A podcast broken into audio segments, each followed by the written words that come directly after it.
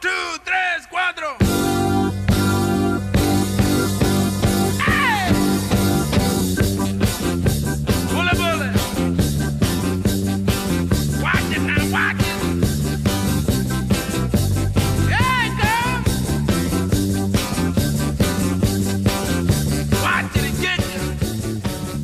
Годината е 1965. На врвот на светските топ листи е Вули Були на Сем де Шемен де Фараонс. Во американските киносали почнува да се прикажува доктор Живаго со Умар Шариф и Джули Кристи. Умира Винстон Черчил.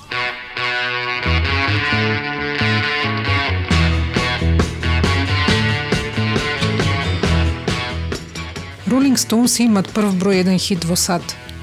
Битлси го изведуваат првиот концерт на стадион во историјата пред 60.000 луѓе. Премиерно се емитуваат цртаните со Томи Джери. Почнува војната во Виетнам и масовните протести. Со нив и хипи движењето и сексуалната револуција.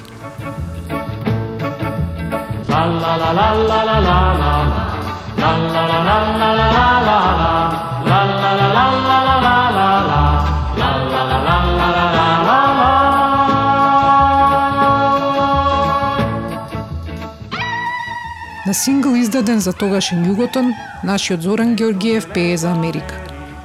На децата од Македонија во тогашна Југославија, таа им е далечна и непозната, исто како и нивната иднина. Но иако тие се уште не знаат што ќе бидат, знаат што сакаат да бидат.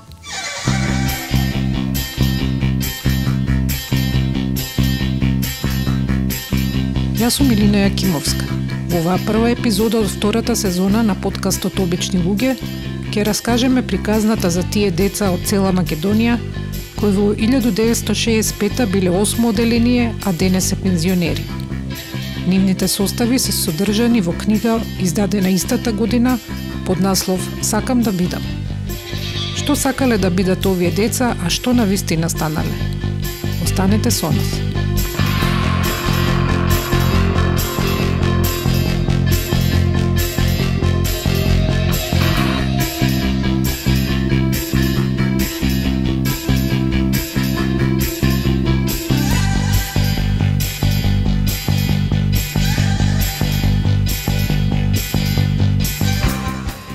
Книгата Сакам да бидам случајно стигна до мене пред неколку години.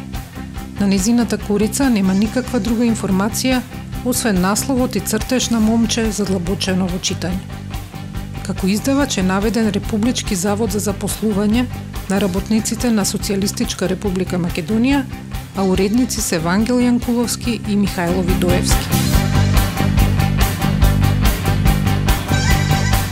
Од воведот се дознава дека ова е всушност второ вакво издание во склоп на проект со ученици од осмите оделенија во основните училишта и четвртите класови од гимназиите кој започнал предходната 1964 година. Низ него, преку раскази, есеи, поезија или цртежи, тие требало да ќе искажат своите мисли за идната професија.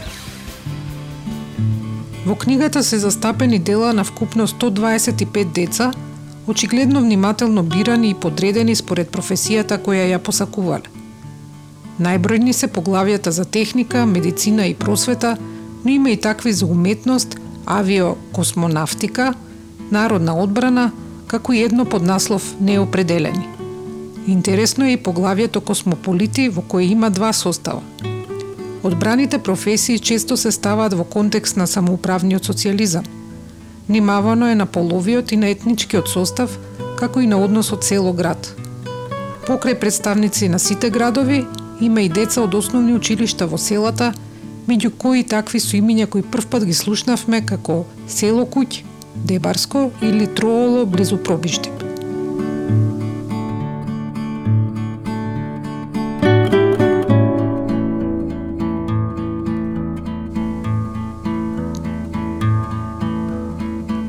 Каде се сега овие деца?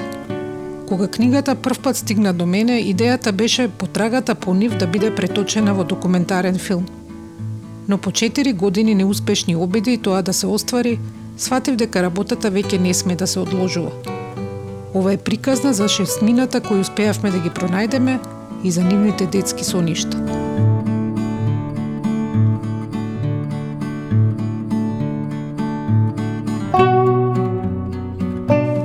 Поголем број деца во своите состави посакуваат да бидат лекари. Во воведот самите уредници поставуваат прашање, цитирам, Дали ваквата масовност се должи на хуманоста на занимањето или авторитетот на името лекар пред нашиот човек? Познато е дека на оваа возраст кај децата преовладуваат топли и хумани чувства, алтруизам, социјабилност, самопоузданост и стреност. Затворен цитат. Меѓу составите во поглавието медицина е и оној на Даница Тановска, Денестасевска, од училиштето Мите Богоевски во Ресен. Неговиот наслов на детското лице го немаше руменилото. Знам дека со учење секоја тешкотија се совладува.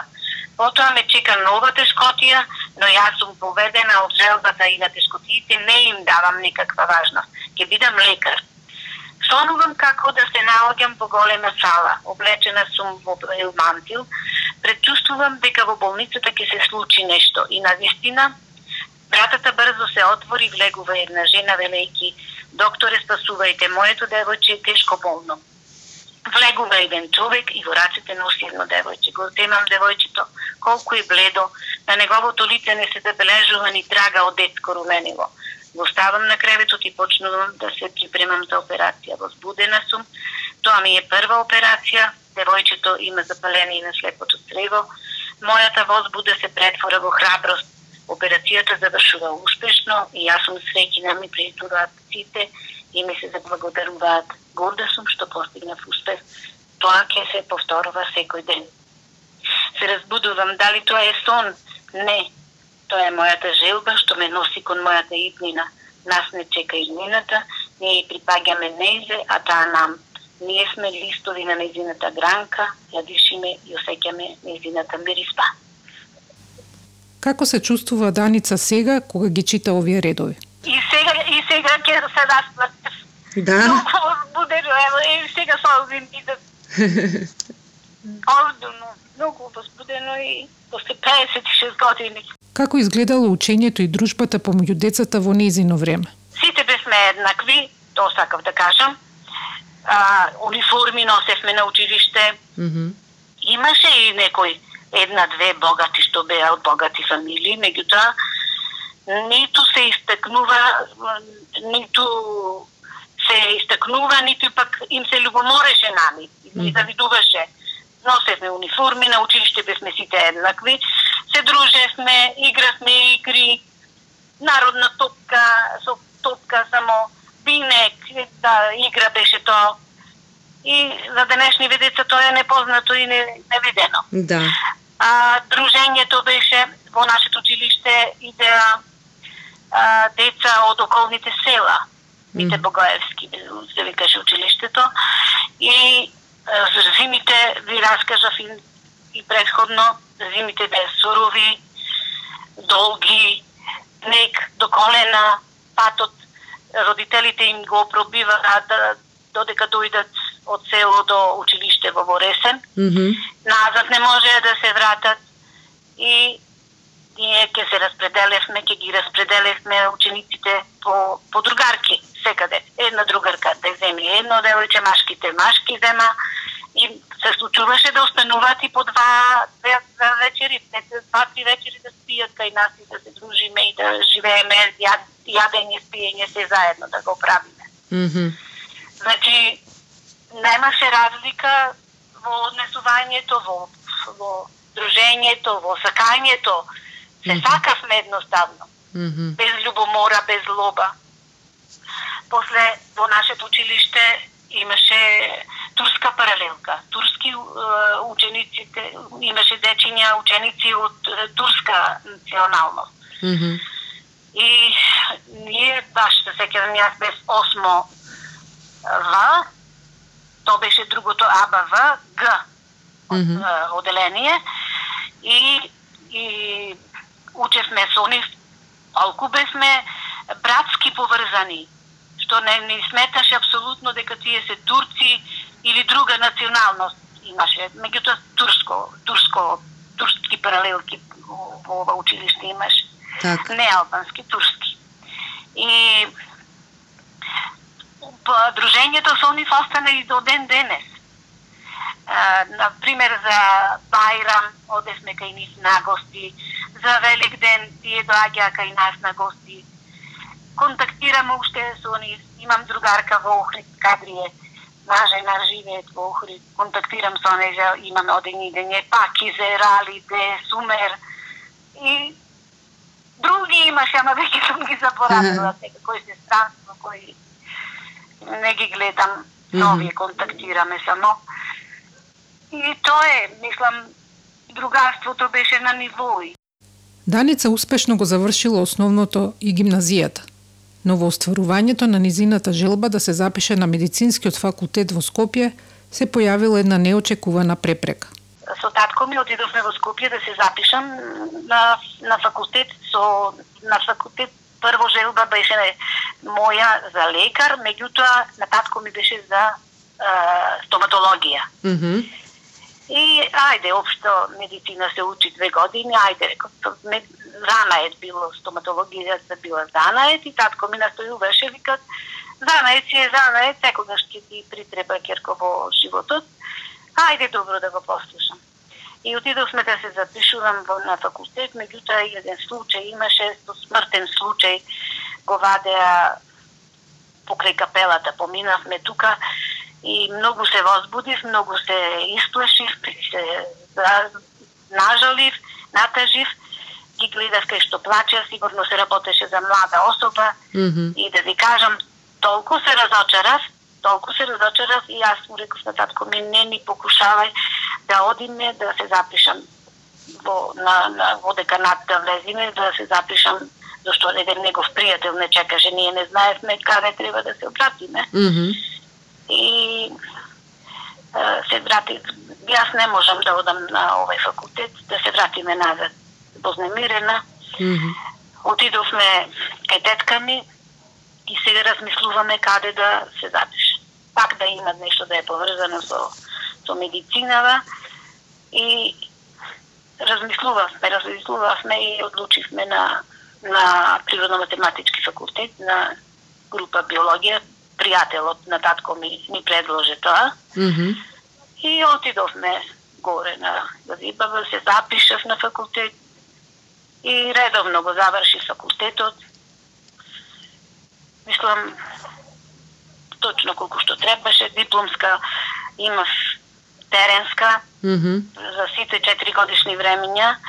А, земав проби од Преспанско езеро, некои планктонски алги на имав Mm -hmm. од Реон, од Сирхан до Тешево и така не, од Перово до, до Тешево. Mm -hmm. И Сирхан ни беше пристаништето, затоа од тука ќе влезевме со Чамец и после со планктонска мрежа земав узорци, ги фиксирав со формалин, па ги проби од сите 4 годишни времења, па после ја работев дипломската во Скопје, кај Љубица Петровска, професорката, и дипломирав Mm -hmm. нормално. Одлично. На крајот на 73 година дипломирав, на 13 а, јануари ја одбраних дипломската со успех Mm и -hmm. така. Веќе бе смажена тој период Mm -hmm. и и во април месец ми се роди првата кирка Mm -hmm. И после пет години другата кирка, значи имам две кирки, имам четири внуци, три женски, две женски од големата кирка и машко и женско од малата кирка. Сепак, белиот мантил како да и бил судбински. После а, дипломирањето две години седев без работа. Не можев да најдем работа. А, секаде конкурирав кај што имаше, меѓутоа не, не, не можеше, тешко се бараше мојата струка, пошто имаше наставници и професори. Mm -hmm. И после тоа ми испадна една прилика, се запослив во Агроплот, во Ресен. Mm -hmm. Е, да ви кажам, горда сум и среќна што се вработив во таа работна организација. И едно од желбата да носам бел мантил, докторската, лекарската желба, ми остана што мантилот бел го носев цел работен век Mm до -hmm. пензија, е, затоа што работев во прехранбена индустрија, бев во во контрола, во лабораторија, се занимавав и со индустријска микробиологија, па после ми дадоа ме определија ми дадоа погон и таму успешно работев на две линии, на линијата за флипс и линијата за болницот. Меѓутоа, сум многу среќна и горда што бев запослена во Агроплод, затоа што Агроплод беше фирма на ниво на цела Југославија поранешна, со представништва и стоваришта во Лjublјана, Загреб, Сараево, Белград, Подгорица, Титоград тогаш беше, нели? Да. Се работеше за извоз. Каква е разликата помеѓу тогашните и денешните детски години? Нашите родители гледа да не прехранат и да не пуштат на учење да учиме. Додуше, учењето беше бесплатно. Да. А, во мое време на факултет без приемни се запишувавме зашто не одеа сите на факултет не можеа да ги пушта децата. Немаше вакво изобилство и живот. Да. Со стипендии, и јас сум земала стипендија, со стипендии, со све, па ако ја враќаш назад ако не исполнуваш услови, ако исполнуваш услови не ја враќаш стипендијата назад. И така со скромно, скромно се живееше. Меѓутоа, такашниве деца живеат во изобилие. Не можам јас ги, ги гледам мои ми се, ама задоволени се со се. Со телефони, со компјутери, со гардероба, со шетање, со се. Значи, разликата е многу голема. Меѓутоа, меѓутоа од нас стана тоа, станавме луѓе со со со скромно, со помалку Даница сакала да стане лекар, но не станала. Приказната на начет втор соговорник е обратна. Михајло Баламовски од 8 Б оделение во училиштето Крстем и Сирков, Гевгелија, сакал да стане машински инженер, но наместо тоа станал доктор. Ова е дел од неговиот состав под наслов Техниката и животот се неразделни. Јас искрено им благодарам на сите мои советувачи. Со овие совети се согласуваат и моите родители за идното занимање, мој иден животен позив. А јас што да сторам? Да одлучам уште сега, се плашам да не погрешам.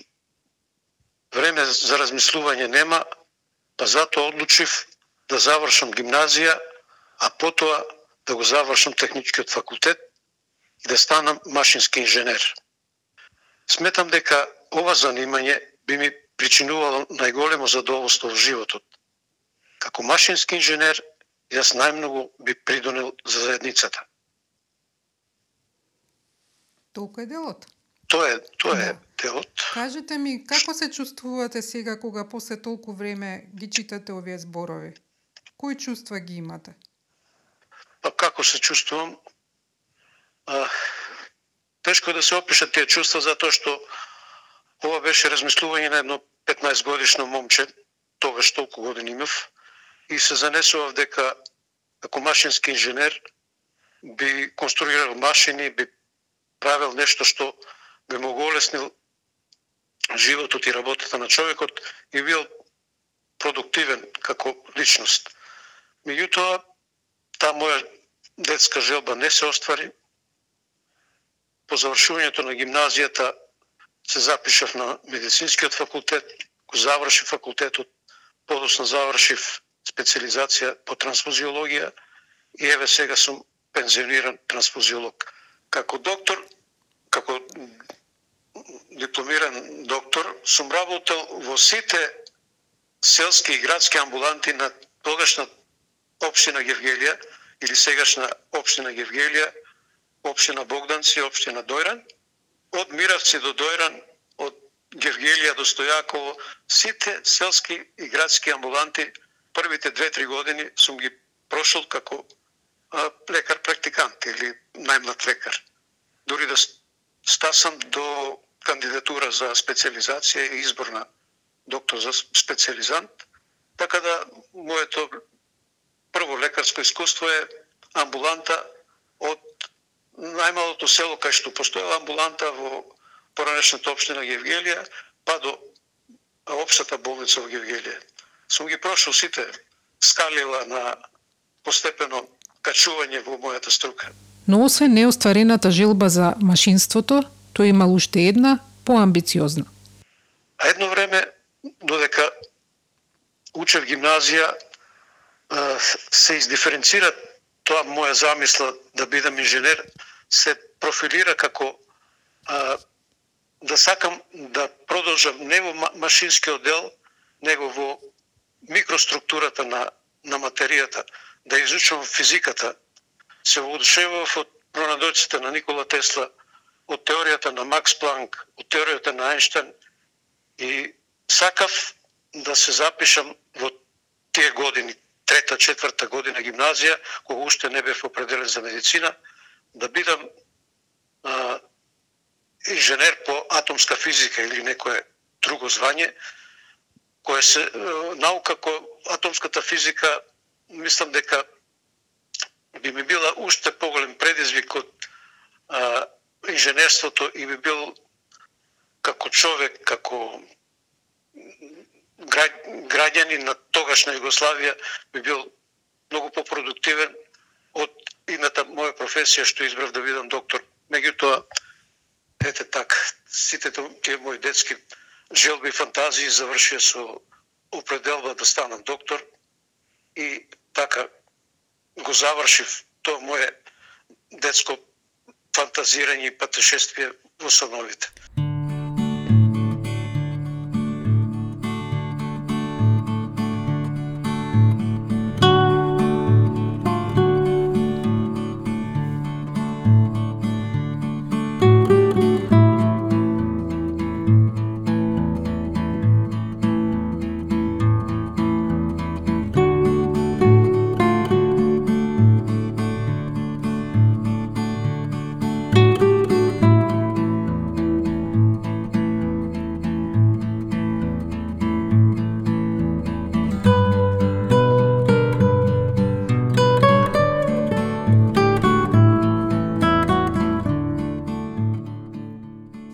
Следните две стории покажуваат колкава е понекогаш упорноста да се остварат соништата. Составот на Марија Пачаразлиева, Денес Кундурджиева од Богданци има дециден наслов Учителка ке бидам. Учителот е оној кој не учи на писменост, оној што прв ни го покажува патот што води во огромната ризница на знаењата, книгите. Сето она што учителот им го доставува на малите, тоа е огромното човеково искуство. Тоа е човековиот труд и пронајдоците собрани од многу столетија. Учителот е тој кој ги поведува младите по прекрасниот пат на вистината, по патот што води во тајните на науката и природата, зборувајќи за минатото на нашите народи, за тешкотиите, робските денови, за сиромашниот неподнослив живот. Затоа, јас би била среќна кога некогаш би се нашла меѓу учениците како нивна учителка. бе била среќна кога од малите немирни дечиња би направила вредни граѓани на нашата татковина. Дали оваа моја единствена желба ќе се оствари? Не знам. Но сепак во животот не треба да се губи надеж.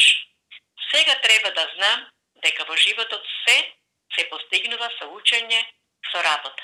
И покрај незината решителност, остварувањето на желбата морало да почека. Желбата за учителка се роди од најраното детство. Често и сама се играв на учителка, а ученици ми пеа разни предмети. И од одделение во одделение таа желба се разгоруваше. Во осмо одделение, преку проектот професионална ориентација, мојата желба ја преточи во писмен состав со наслов Учителка ќе бидам, сместен во книгата Сакам да бидам. Но многу пати желбите не се остваруваат или се одлагаат. Така се случи и со мојата желба. Таа 1965 година се учи на средната учителска школа, која ја имаше само во Скопје. Најприфатливата опција за моите родители и за мене беше Гевгелија, средно економско или гимназија.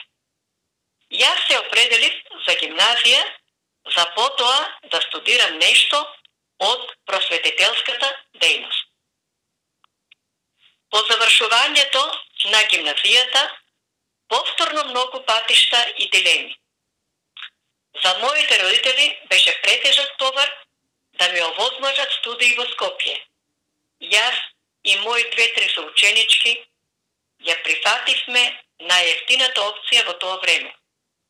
Виша економска школа во Прилеп. Замислете, јас толку го мразев економското училиште и за да не останам само со гимназија, ја прифатив таа опција. Тоа беше 1970-71 учебна година.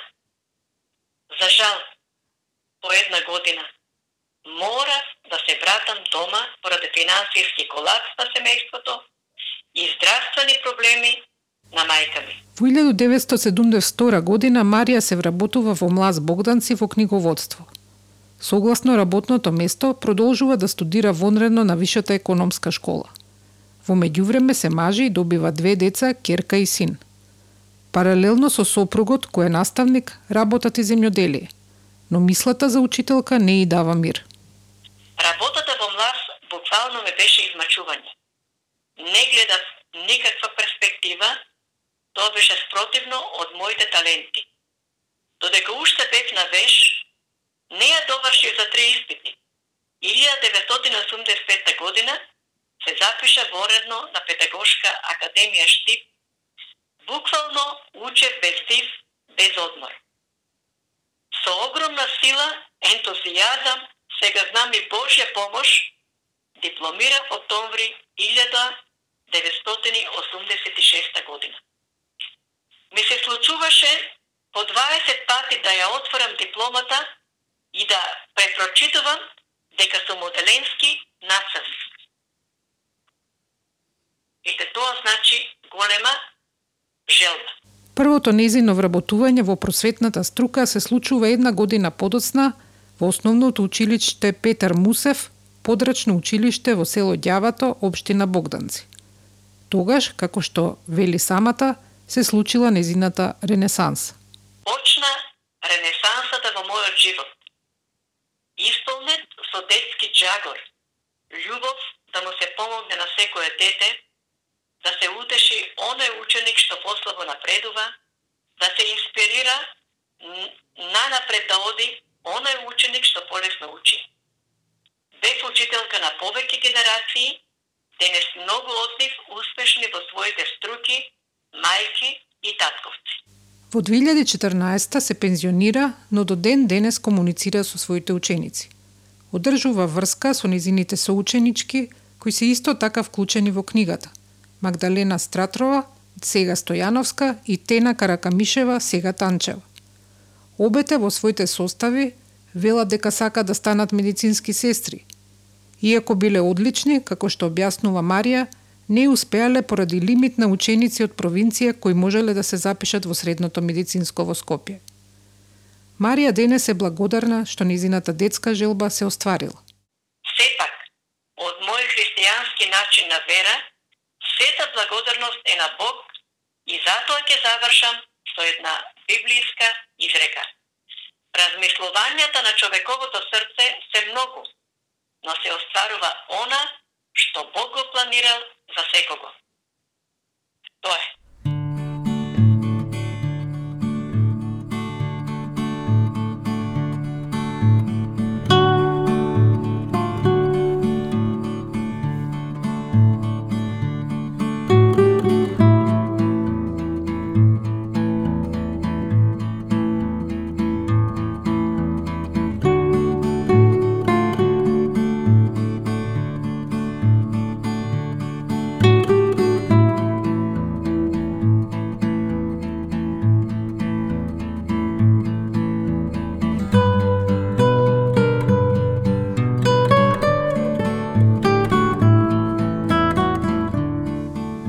Е приказната на Василка Прочкова, денес Петрова, од основното училиште Страшо Пинџур од Неготино, која денес живее во Демиркапија. Насловот на незиниот состав во рубриката Уметност е Денот на Зајдисонце. Денот е на Зајдисонце. Го гледам за одјањето. Жолто-црвената светлина се губи зад хоризонтот чиниш пожар се гаси. Во пейсаж се оцртува мала куќа засенета од разгрането дрво и обградена со прекрасна околина.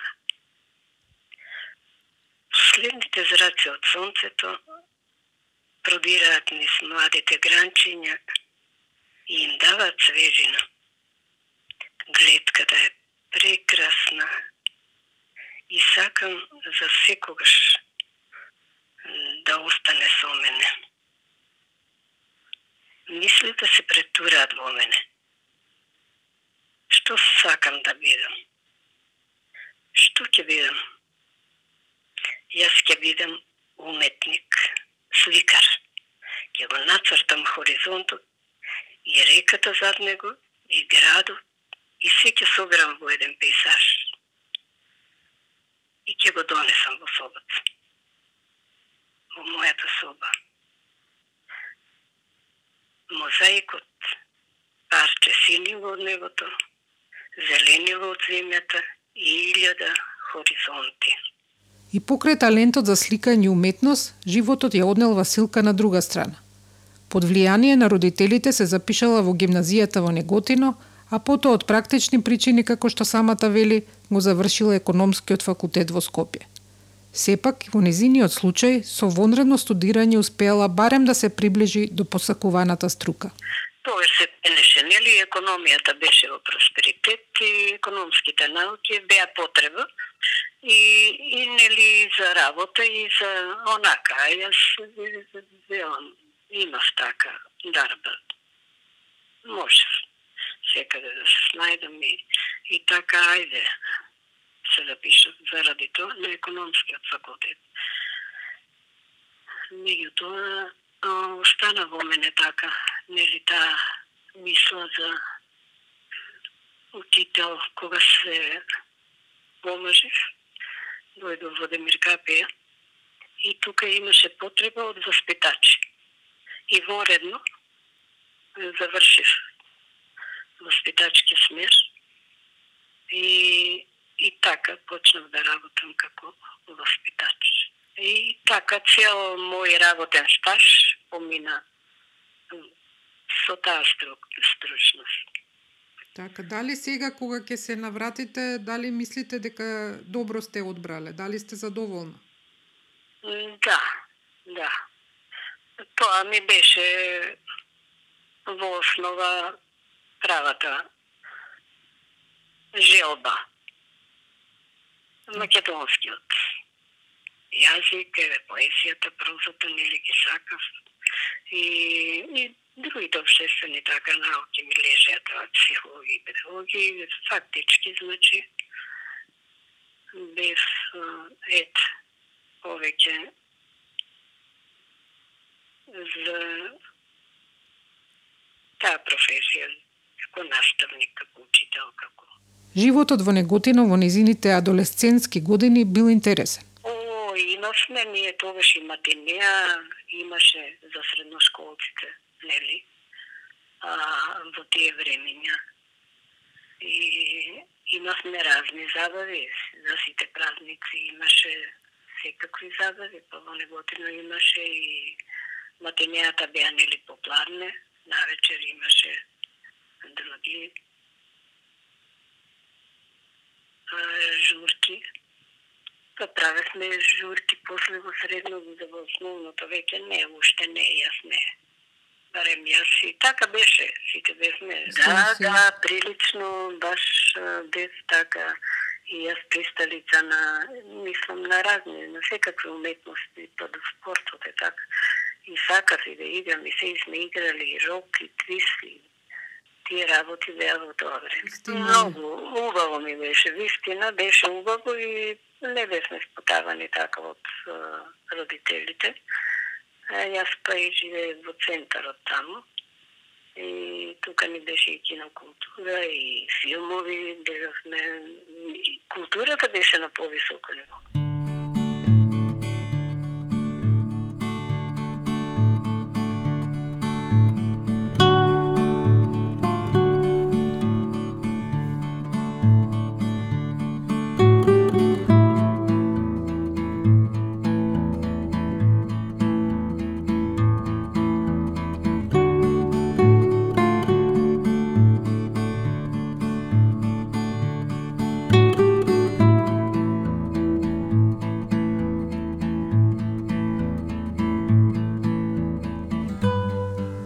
Божинов во 1965 учел во 8 В оделение во училиштето Ману Штурновски во Ново село Струмичко.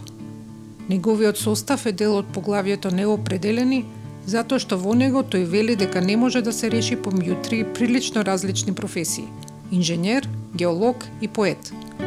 И дека затоа најпрвен ќе се запише во гимназија, одлука што подоцна се покажала како исправна.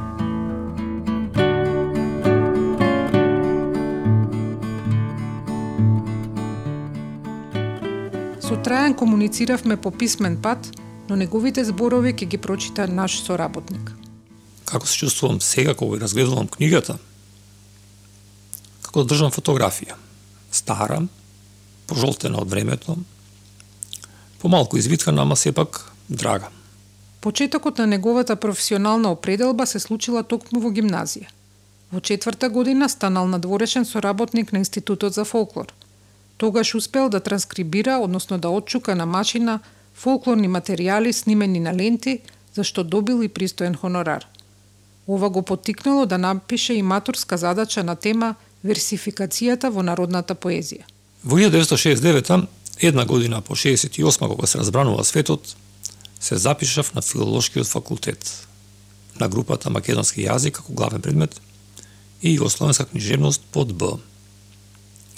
Релативно лесно ги завршив студиите и малку пред време а потоа на вториот конкурс за упис на постдипломски студии по македонски јазик бев почестен со изборот меѓу пријавените 40 на кандидати, од кои бевме избрани само четворица. Наскоро почнал да работи на магистерски труд под наслов Лексиката на струмичкиот говор. За да го забрза и поедностави процесот, почнал да ги совладува и тогаш новите техники. Со големи амбиции ја совладав информатичката технологија. Речникот го изработив, Но кога требаше да се внеси во компјутерот, повеќе од 1000 страници ракопис, ентусијазмот полека го заменив со утеха дека научив многу работи кои за мене се добри, иако сакав пред другите да се докажам.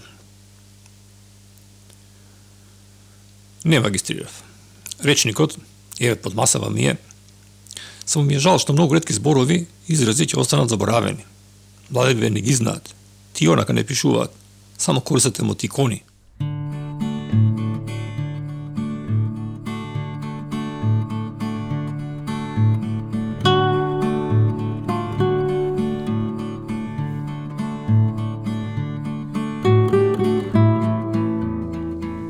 станал професор по македонски во средното училиште Никола Каре во Струмица.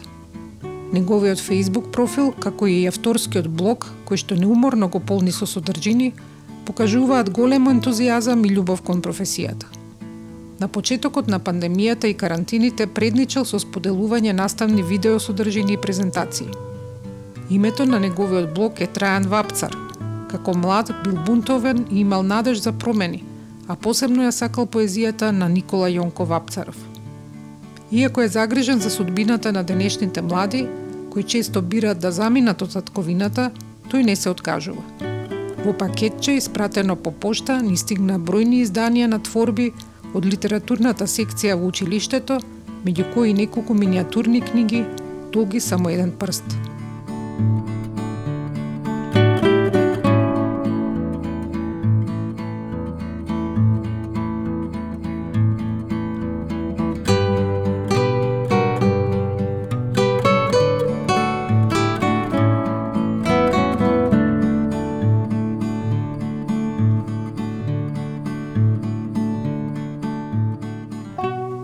Животот на оваа генерација е огледало на сите историски премреџја карактеристични за втората половина на 20 век.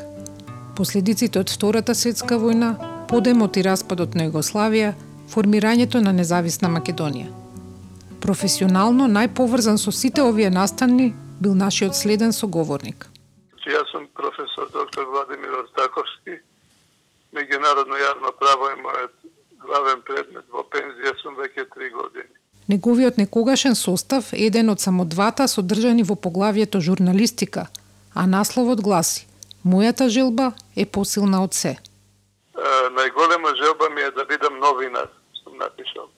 Како таков сакам и ќе се трудам со моите написи и информации во печатот да ги запознавам, да го запознавам граѓанството за многу настани од странство и земјата. Сакам еднаш како пред продавачот на весници во редица чекаат многу читатели да купат весник за да го прочитаат мојот сензационален напис за некој настан. Го сакам новинарството и затоа што е близко на литературата која ги запознава и изближува луѓето. Зарем сите ние ќе го чуевме името на Хемингвей, Толстој, Джек Лондон, Андрич, ако не ги дадат своите прекрасни дела. Не. Новинарството за тогаш младиот Владимир се надоврзувало на неговата жет за читање. Сепак, нештата и во неговиот случај не оделе баш праволиниски. Запишав гимназија после осмолетката во Гергелија. добра беше гимназијата, солидна, но интересно математичка насока одбрав, бидејќи и математиката ми одеше исто толку добро, колку македонскиот јазник со литература, филозофија, логика, социологија. А, факултетот за политички науки во Белград го запишав кога ја земав матурата. Иначе за матурата ја земав од литературата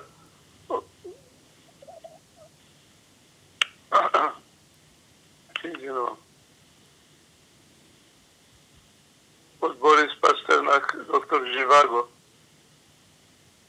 Го запиша факултетот за политички науки во Белград, бидејќи тогаш само таму можеше да се изучува журналистиката.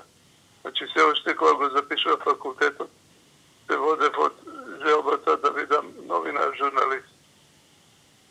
А, беше карактеристично тоа што првата година на факултетот за политички науки, иначе по Скопје значи немаше журналист, факултет за журналистика.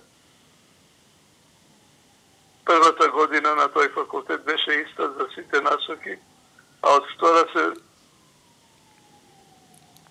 насоките се разгранува и тоа беше покрај журналистиката и со така и дипломатија и обштествено политич, политичката насока.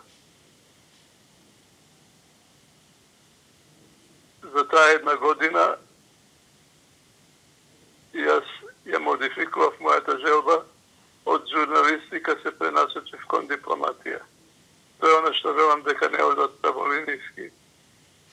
Желбите и реалноста и остварувањето на желбите се тоа што во овој случај сакав да одам онака како што тогаш го сваќав за едно скалило погоре.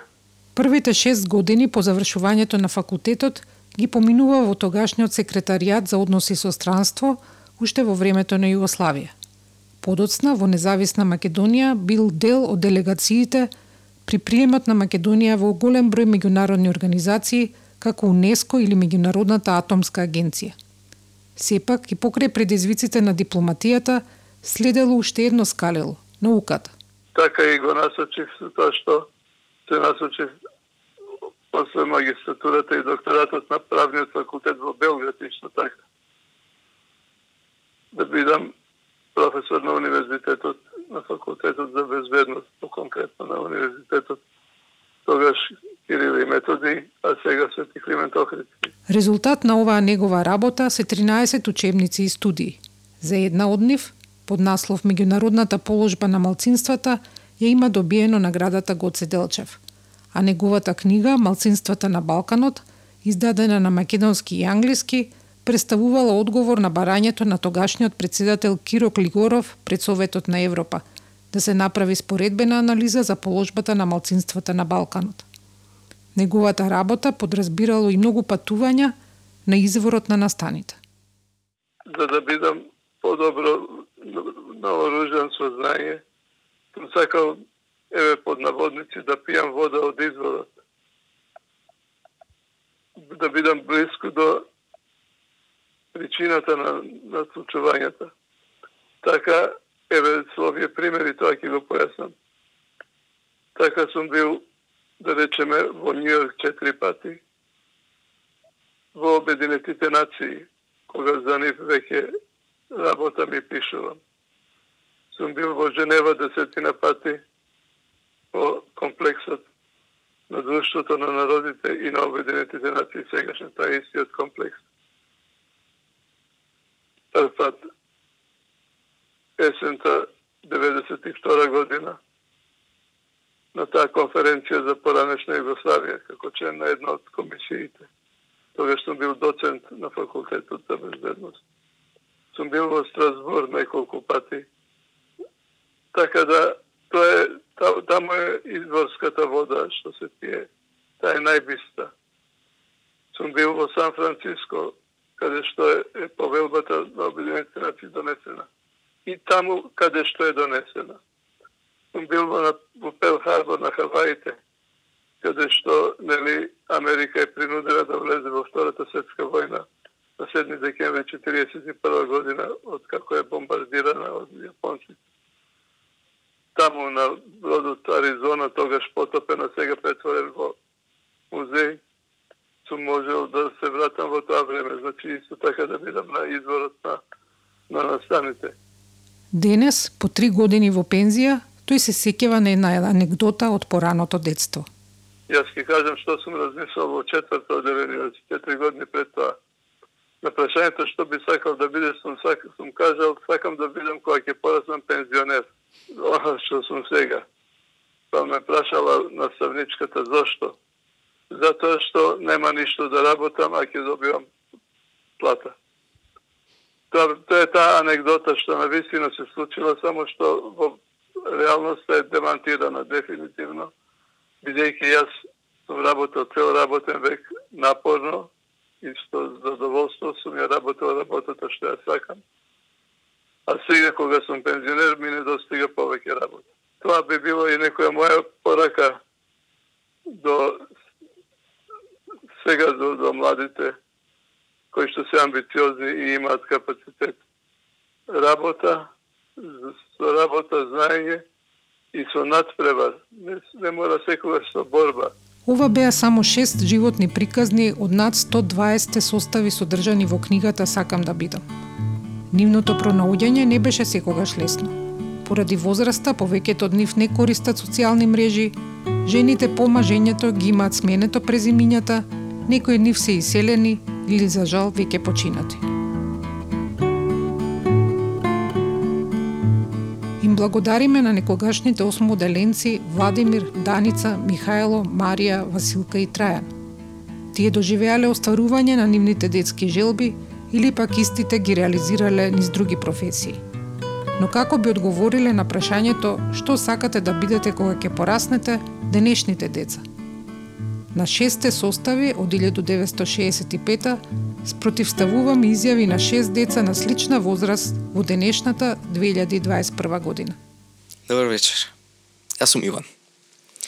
Јас не знам како ќе бидат условите во иднината и пак од што ќе заработувам пари и што ќе ми биде моја професија. Ама јас моментално имам интереси за лингвистика, интереси за уметност и за музика. Здраво, јас сум Ведрана, имам 13 години.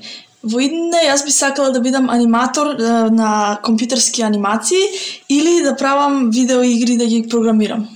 Здраво, јас сум Марко. Кога ќе пораснам сакам да бидам ракометар. Здраво, јас сум Војдан, имам 12 години и кога ќе пораснам сакам да бидам астронаут, бидејќи сакам да истражувам различни планети и да откривам а, различни водземји.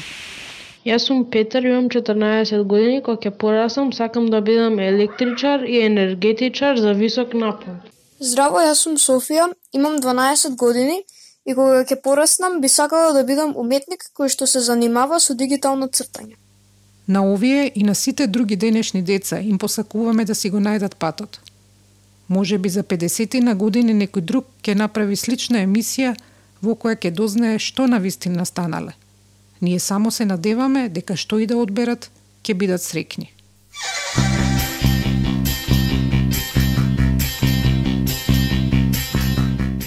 Јас сум Илина Јакимовска. Интервјуата и транскрипциите ги правевме јас и Ана Шталковска-Гајтановска. Аудиомонтажа Бојан Угриновски. Благодарност до Матеј, кој пред неколку години ни ја откри книгата «Сакам да бидам».